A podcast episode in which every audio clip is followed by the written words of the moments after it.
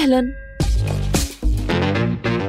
أنا بسنت سمهوت وحابة أرحب بيكم في الحلقة دي من المستجد جدا الفقرة المصغرة من بودكاست المستجد. بنقدم لكم فيها آخر الترندات والأخبار في كبسولة ملخصة جدا. أغنى رجل في العالم يشتري تويتر. 44 مليار دولار. شركة تويتر تقبل عرض إيلون ماسك لشراء الشركة ب 44 مليار دولار. تسعة أصفار. إيلون ماسك بيغير رأيه عن شراء تويتر بعد ما مضى العقد. تسعة أصفار أكاونتات عشوائية وروبوتات. تويتر ترفع قضية على إيلون ماسك بسبب عدم التزامه بالعقد. هو مش مسؤول ضحكوا عليه. تسعة أصفار مفيش إثبات. هو مش مسؤول. قضية تسعة أصفار 44 مليار دولار.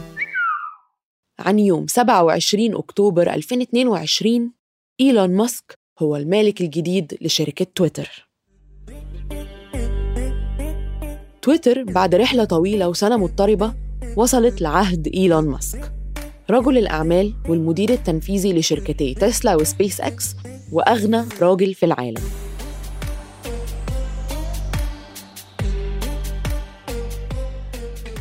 الأخبار حوالين الموضوع ده بتتنقل وتنتشر بقالها حوالي ست شهور. لما في 25 أبريل وافق مجلس إدارة تويتر على عرض ماسك إنه يشتري السهم الواحد ب 54.20 دولار. بمعنى إنه يدفع 44 مليار دولار للسيطرة الكاملة على الشركة. من 25 أبريل ل 27 أكتوبر. إيه اللي حصل؟ اللي حصل إنه في النص ماسك كان عاوز يفسخ الاتفاق. قال إنهم ضحكوا عليه وخبوا معلومات مهمة عن الشركة زي عدد الحسابات الوهمية والسبام اللي بتشمل الحسابات الآلية اللي بتفضل تعمل دعايات بشكل أوتوماتيكي وغيرها اللي موجودة على المنصة. وأنا الصراحة لسه مش عارفة أحدد هو ليه ما درسش الموضوع ده كويس قبل ما يعلن عن الشراء في إبريل بس ما علينا. المهم إنه عدم استقرار ماسك والأسلوب اللي كان بيتكلم بيه عن الشركة أدى لتصريح من تويتر في شهر سبعة بيقول إنه إيراداتها انخفضت لأسباب كتير زي الاقتصاد العالمي وكمان بسبب عدم اليقين المتعلق بالاستحواذ على تويتر من قبل إيلون ماسك.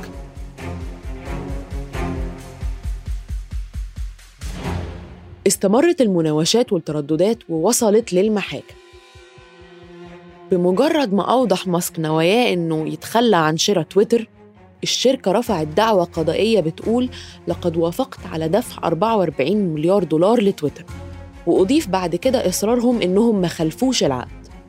على الصعيد الآخر ماسك تمسك بموقف إنهم ضحكوا عليه.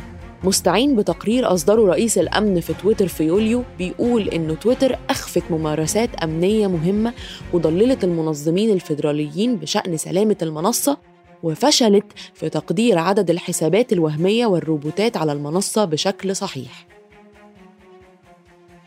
كانت المفروض المحاكمة تبتدي يوم 17 أكتوبر. بس يوم 4 أكتوبر ماسك غير رأيه وتبين إنه هيشتري تويتر فعلاً. وبكده بتخلص الحكاية يوم 27 أكتوبر.